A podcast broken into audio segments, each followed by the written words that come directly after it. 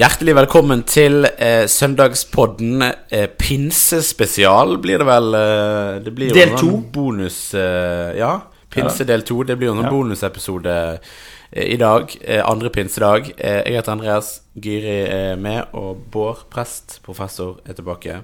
Veldig fint. Um, andre pinsedag Det er jo en sånn Disse andre dagene Vi har tre sånne andre dager uh, i kirkeåret. Første, andre juledag, andre påskedag og andre pinsedag. Det blir jo litt sånn der dagen derpå-dag-følelse.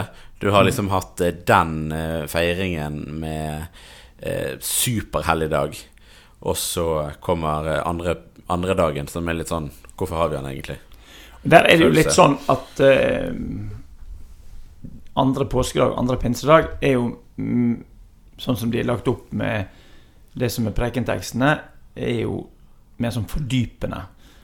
Litt mer, mer av det samme. Så På andre påskedag så får du ofte fortellingen om eh, Emmaus-vandrerne. Så Altså du liksom går videre i påskefortellingen. Så det Eh, egentlig Og her går du litt sånn videre. Her, her fordyper du hva det vil si å ha et forhold til Den hellige ånd. Selv om det som skjer, det vi skal høre om, er jo, skjer jo før pinsedagen.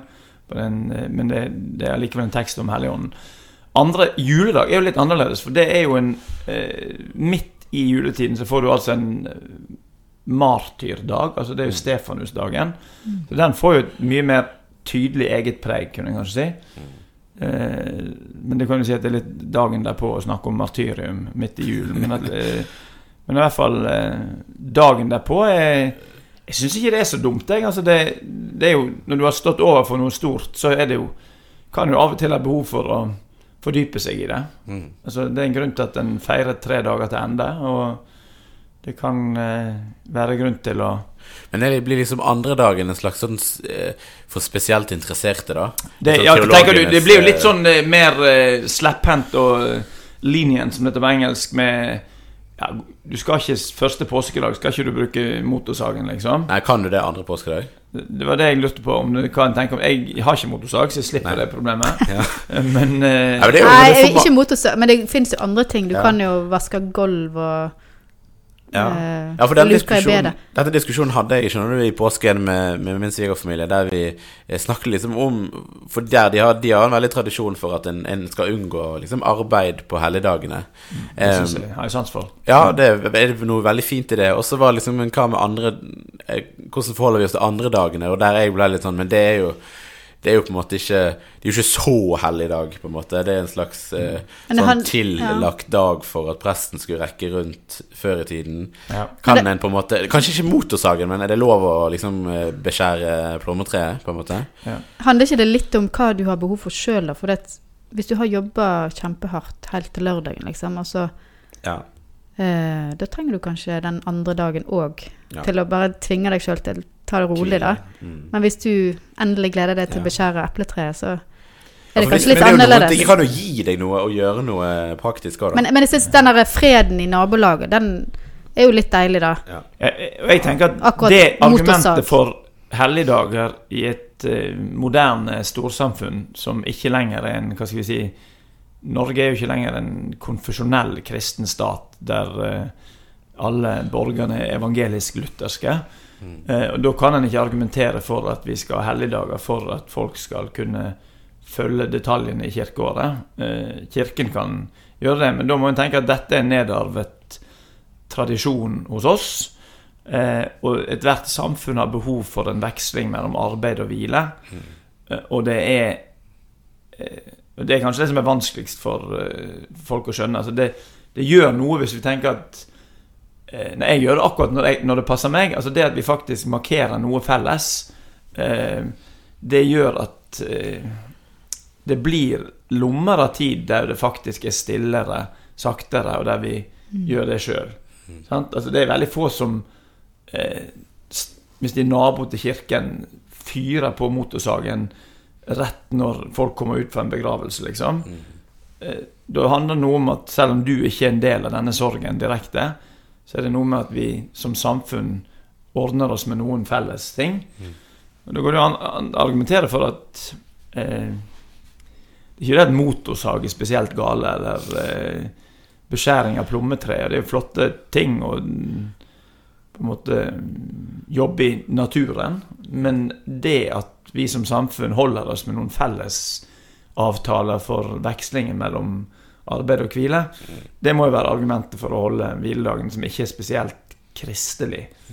Så kan en jo tenke at som fra et mer sånn kirkelig og kristelig perspektiv, så eh, tenker jeg det må mer tenke behovet for fordypning. Altså påskeunder og pinseunder. De, det blir ikke vi så fort ferdig med. Det får i så fall være grunn for å ha andre dager. Mm. Men eh, du har helt rett. Andre dagene ble jo til for at en skulle rekke rundt. Men så får han jo Men det, det du sier, sånn så får han disse andre dagene nå der en får litt sånn andre tekster som en kan være til fordypning, som kan gi oss noe mer av høytidens eh, viktighet. Ja. Som eh, du skal få lov å lese nå, Guri. Mm. Johannes 7 står det. På den siste dagen i høytiden, den store festdagen, sto Jesus fram og ropte. Den som tørster, skal komme til meg og drikke. Den som tror på meg, fra hans indre skal det, som Skriften sier, renne elver av levende vann. Dette sa han om ånden de som trodde på ham, skulle få. Ånden var ennå ikke kommet, for Jesus var ennå ikke blitt her herliggjort. Aller først eh, høytiden. Eh, vi kan jo kanskje fort eh, tenke at det er påska, men her eh, er det vel denne løvhyttefesten eh, det er snakk om. Ja. Som er litt sånn ukjent høytid for meg og mange, tror jeg. Ja, det er jo en høstfest, sant? som der en, og grunnen til at de flyttet ut, varte i hvert fall i sju dager. og En feirer vindruer og vinavling og sånn, og en flytter ut i løvhytter og går i fakkeltog, og det, det var ganske festlige greier, altså. Eh, Ja. Du bor Så- i løvhytte i sju dager? ja, du kunne iallfall gjøre det, hvis Ja. alle gjorde det, men eh, dette kan jo gi et litt sånn tips altså, for de som eh, Det går an å google ting, selvfølgelig, men det står faktisk bakerst i altså, en liten sånn skatt i Bibelen som ikke er egentlig Bibelen. Men det er det som heter ordforklaringer. Ja. Der går det an å eh, lese seg til både det ene og det andre. Altså oppslagsdelen. Så der f.eks. kan en da finne Hvis en går rundt på kommer til F under fester og høgtider, så står det da om eh, det i, i Tishri måned spiller en stor rolle i folkelivet. Da sanker det inn frukt og vindruer. Det var sang og jubel på vinmarkene. Medan dette sto på, flyttet folk ut og bodde i lauvhytter. Derfor fikk høgtida navnet lauvhyttefesten på hebraisk sukkot. Til festskikkene hører senere visse seremonier med lys og vassausing. Vassausing, ja. Ja. Ja. Mm. Og da er løvhyttefesten står det etterpå et annet navn på høstfesten. ja. Så dette, er her var det da stor party, høy Så partyfaktor. vassausing eh, og renn, elver og renne vann, eh, det hadde liksom en eh, kobling? Ja, altså Det er klart at veldig mange av bildene på Guds inngripen i Det gamle testamentet handler om at Gud gir vann der i det tørre land, der det, alt håp var ute, og der en ikke hadde vann. Og det, Her tenker jeg at det å bo i Norge ikke nødvendigvis hjelper deg til å forstå hvor viktig eh, det var at Gud gjorde det. Altså, den, disse fortellingene ble til i et, mer sånn ørkenlandskap der vann definitivt var en knapphetsgode. Og du har jo da Så under denne teksten altså det, det tenker jeg liksom Assosiasjonsrommet eller ekkoene de hører, de som hører det Jesus sier nå, de vil jo først høre da eh, vannunder i ørkenen. Altså rett etter at eh, Moses har reddet eh, israelsfolket gjennom eh, eh, Dødehavet, så kommer de og klager. Vil du at vi skulle dø her ute i ørkenen? Vi holder på å dø av tørst. Altså, hva er dette for noe? Det var ikke bedre at vi døde i Egypt, liksom, enn at vi skulle liksom dras ut i ørkenen her. Og så tar eh, Jesus Josef, Moses den staven som han brukte når han delte Sivsjøen, og så slår han på berget ved Horeb, og så kommer det vann ut derifra. Så Det er det ene. Og du har også da I Jesaja 55 så er det den invitasjonen til å komme og Kom, kom og få vann uten betaling. Altså kjøp korn uten penger. Eh, som er også sånn eh, invitasjon til å komme til Gud. finner også i Isaiah 58 og i Zakaria 14,8 så er det som et sånn frampek mot den nye tid, at det skal renne levende vann fra alle verdenshjørner til Jerusalem. Så Jesus oppfyller på en måte mange av disse sterke bildene om Guds nærvær når han sier at den som tror på meg, fra hans indre skal det renne strømmer av levende vann. Mm. Så det strømmer av levende vann er liksom et tegn på Guds inngripen Eh, det er jo ikke alltid altså For noen som har sett mange der fossefall og mye vann eh, Kan være litt skummelt òg. Ja. Men, men her er det det, tenker jeg. Sant? Men ja, så den, den, her fortsetter hun med Dette sa hun om ånden de som trodde på ham, skulle få. sant? Ja. Eh, så vil det si at alle som tror på Jesus, de får òg Den hellige ånd i samme slengen. Ja, altså Troen på Jesus er jo gjennom ånden ha en relasjon til Jesus. Mm. Ja. Eh, og det, Det, det er også det litt litt ra- rart for oss med at vi trenger en formidler, eh, altså en talsmann. Eh, vi er jo vant til å tenke at vi har direkte access til ting, men for, eh, for disse som hørte dette, så var det helt eh, voldsomt. For en tenkte jo at en hadde jo ikke noe direkte tilgang til Gud. Sant? Gud var jo så stor, så vi kunne liksom i, i det beste fall se et, eh, et lite glimt. Men her er det Da Det blir på en måte Den hellige ånd en hjelp for disse til å, å, å komme nærmere Gud. Ja, det er det. Sant? Og det, er, det, det ligger også en sånn tanke om at relasjonen Altså at du ved Ånden, eh, altså den som da hjelper oss til å be og til å snakke med Gud og til å forstå mer av hvem Jesus er, det, det bidrar til en sånn eh, klarhet, friskhet i troen, tenker jeg da også ligger i dette vann, vannbildet. Så er det jo en sånn tydelig invitasjon fra Jesus. Og den ligner jo på det som jeg sa fra Jesaja 55 i sted. Altså, den som tørster, skal komme til meg eh, og drikke. Mm. Men var det typisk Dette var en fest, sant? og så Ja. står Jesus og roper. Er det vanlig, det der? Det var liksom en landsbygjerning. Kan du liksom- altså, liksom, Men jeg har liksom tenkt at det var litt mer der, Se liksom en lavmælt. eh, rednecken som kommer inn fra, inn fra Galilea der. Og, Mm, Den som tørster, skal uh, Sant? ja. Men var Jesus en sånn Skal type? komme til meg og drikke? Nei, det er jo litt vanskelig å si siden vi bare har uh, fortellingen gjengitt på denne måten.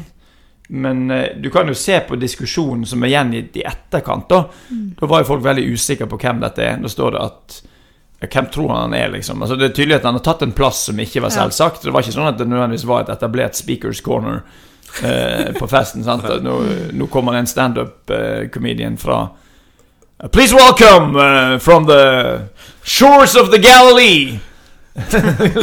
Jesus, son of Joseph. Ja, tror, jeg, tror ikke, jeg tror ikke det var sånn. Så han må jo ha tatt seg litt til rette. Eh, men eh, jeg tenker at eh, da spør de er dette Messias. Det dukker ganske fort opp. Sant? Altså, er han Guds salvede, den som skal komme? Og det provoserer jo da noen av de som er det religiøse establishmentet. Så de ble veldig stresset. det det var liksom en del av det som de ja, for når han går inn i de forventningene sant, om at eh, han sier ting som bringer tankene til at dette faktisk kan være Gud sjøl. Altså dette, Mm. Disse invitasjonene her har jo kommet tidligere når profeter har sagt at det er dette Gud sier. Altså, og her sier han at det er meg. Mm. Dere skal tro på meg. Ja. Det er jo det dramatiske. her. Den som tror på meg, fra hans indre skal det som skriftet sier, den elva Mm. med levende vann. Han, sendes, han setter seg i Guds sted. Ja. Eh, og, og det eh, Det var et irritasjonsmoment. Det var et egentlig, som førte til irritasjonsmoment. sant? Men at det, apropos det å sette seg i Guds sted Når Guds sted da viser seg å være korset eh, og den tomme graven, så ble det klart at denne mannen var mer enn en mann fra Galilea, men var og er Guds sønn. Mm. Og ved å be til Ånden og eh, ta imot Jesus, så kan du leve et liv i Ånden. da. Eh, og Det tenker jeg er fordypningen her på andre pinsedag. Ja, vi kan jo Dette med Den hellige ånd eh, kan man jo snakke ganske mye om, men Men, eh, men av og til så kan en jo få behov for å stille liksom spørsmålet hvordan skal vi i dag forholde oss til Den hellige ånd? Eh, og av og til så kan jo på en måte Den hellige ånd få litt sånn laber plass i enkelte miljøer og i våre Våre mm, kristne brødre og søstre i andre andre trosretten eller eh, kirkesamfunn har jo mye større fokus på Den hellige ånd enn, det, enn det vi i Den norske kirke har og har hatt. Eh, men hvordan skal vi forholde oss til Den hellige ånd Nei, for oss, da?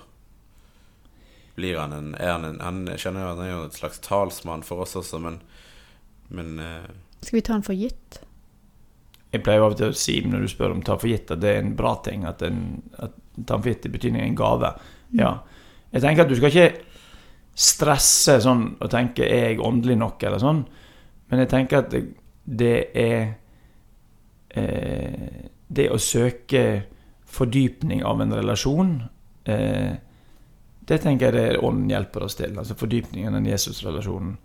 Eh, om det skjer på mm, spektakulært vis eller mindre spektakulært vis, det er kanskje ikke så lett å forutsi eller så lett å si noe om. Altså, jeg pleier av og til å vise til den fortellingen med eh, Philip som kommer i apostelgjerningene 8, altså der han jogger ved siden av den etiopiske hoffmannen. Og der lurer jeg også da etiopiske hoffmannen på ånden. Og han ble døpt og får ånden i gave.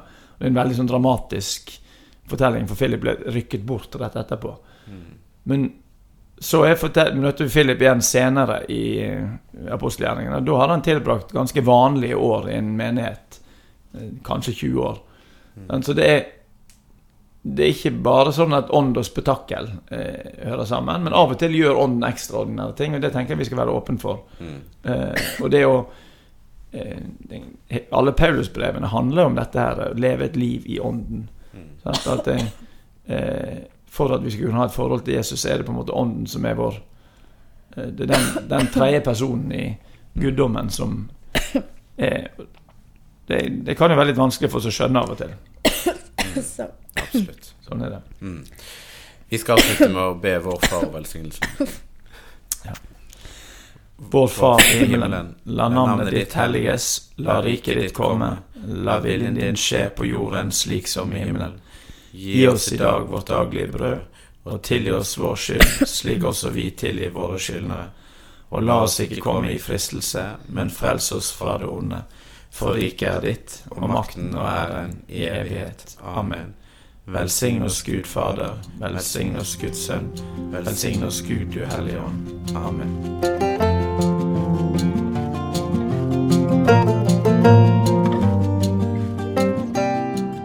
For at du lyttet til denne episoden av Søndagspodden. Likte du det du hørte? Gi oss gjerne en tilbakemelding og stjerner i Apple Podcast Player-appen. Følg oss gjerne på Instagram under brukernavnet Søndagspodden. Og del den gjerne med noen eh, du kjenner som kan ha stor glede av eh, denne podkasten. Vi snakkes.